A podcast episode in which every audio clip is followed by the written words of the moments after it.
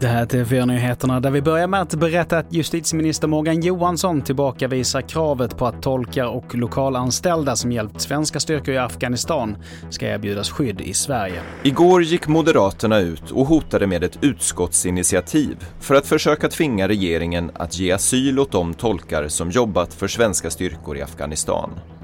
Morgan Johanssons svar kom sent på kvällen till Aftonbladet.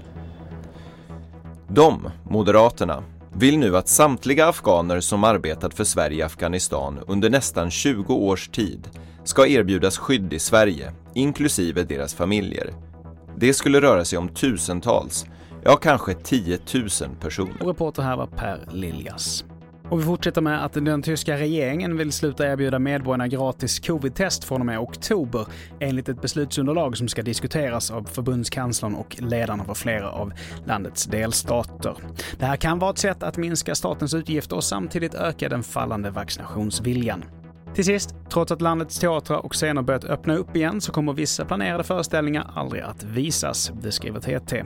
Under 2020 hade bland annat Västerbottensteatern ett inplanerat 20-årsjubileum och Stockholms stadsteater firade 60 där man bara hann med ett fåtal föreställningar innan man stängde ner. Det var det senaste från TV4 Nyheterna. Jag heter Mattias Nordgren.